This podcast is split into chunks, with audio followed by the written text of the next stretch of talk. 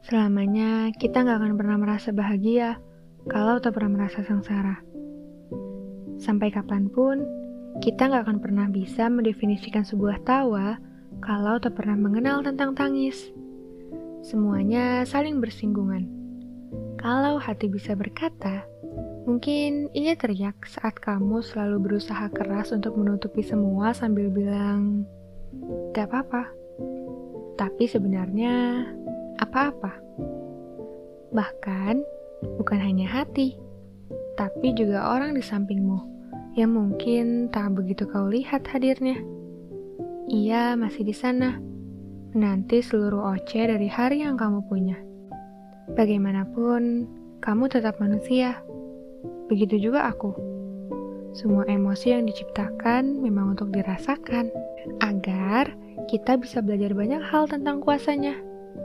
Gak apa-apa kalau hari ini kamu sedih atau kecewa karena terlalu berharap pada orang lain.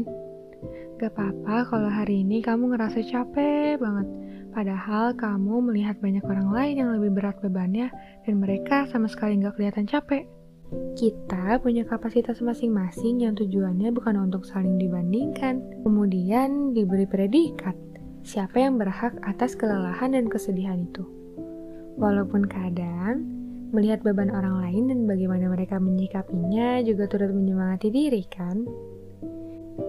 Tapi bagaimanapun, emosi yang dirasakan itu benar adanya dan sangat wajar untuk dirasakan. Dari sana, kamu mulai bertanya tentang seseorang yang selalu terlihat bahagia. Mengapa hidupmu tak seperti mereka yang bahagia selalu? Atau kapan kamu akan bahagia? Enggak, ini bukan tentang satu rasa yang melekat abadi. Ini tentang menemukan, menerima, dan mengelola. Menemukan jawaban dari pertanyaan, apa sebenarnya yang sedang dirasakan? Apa yang menjadi penyebabnya, juga akibat dari apa yang sudah dirasakan. Lalu, belajarlah menerima perasaan itu. Tak perlu mendengar mereka yang berkata benci ketika kamu menangis Berpisahlah sementara dari mereka yang hanya memaksamu untuk selalu ceria. Mereka mungkin gak ngerti tentang energi yang perlu diisi ulang untuk menjadi lebih kuat lagi. Baik laki-laki maupun perempuan punya hak yang sama untuk merasakan emosi yang ada. Gak akan hilang harga dirinya sebab merasakan sebuah emosi. Mengelola jadi kuncinya. Semua harus ada sesuai porsinya. Marah tak perlu banting sana-sini. Sedih, tak perlu mogok makan. Atau bahagia yang sampai lupa tentang hak orang lain. Sedikit demi sedikit, aturlah tentang apa yang kamu rasakan sebagaimana seharusnya. Kalau hari ini kamu ngerasa kecewa pada diri sendiri karena gagal akan sesuatu, mungkin kamu harus mengerti bahwa dari kegagalan itu kamu akan belajar lagi menyusun strategi yang lebih siap, berhati-hati, dan berserah diri tentang takdir terbaik. Sesekali kegagalan memang perlu dirayakan hadirnya. Atau kalau kamu sudah lama merasa lelah sebab banyak hal yang harus dikerjakan muncul lagi dan lagi tak berkesudahan, kurasa sudah waktunya kamu untuk istirahat dan memberi ruang diri untuk sejenak bernafas sambil mengingat tentang masa muda sebelum tua, tentang kebermanfaatan yang sudah dihasilkan dari hari-hari lelahmu, tentang senyum indah orang-orang yang kau sayangi sebab pengorbananmu, tentang doa-doa baik mereka yang tak hentinya terucap sebab kamu yang berusaha keras untuk memenuhi semua ekspektasi mereka. Juga tentang orang yang tak kau ketahui, ia menyerap makna dan jadi lebih berarti hidupnya sebab cerita dari alur hidupmu yang katanya hanya hitam dan putih. Seperti itulah sebenarnya mereka yang katamu selalu bahagia. Mungkin sebenarnya mereka tidak sedang bahagia.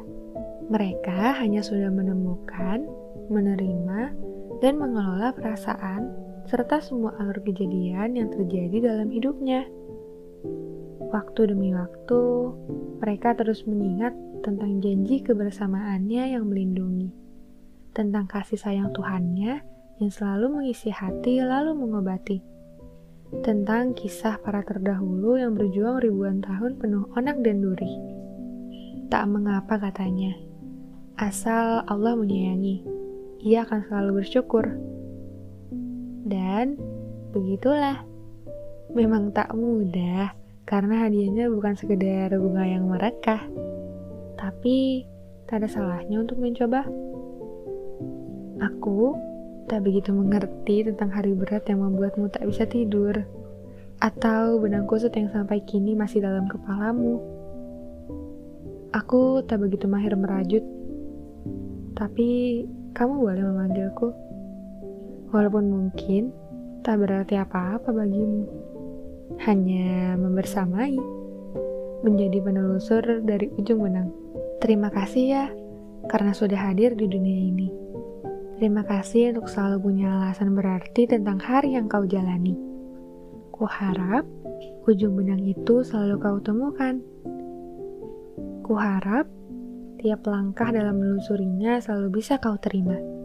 Kau tarik makna hingga hatimu rela dan bertambah luas simpul di senyummu. Selamat menjadi si penelusur. Semoga selalu bisa menemukan jalan pulang dan kembali bersyukur ya.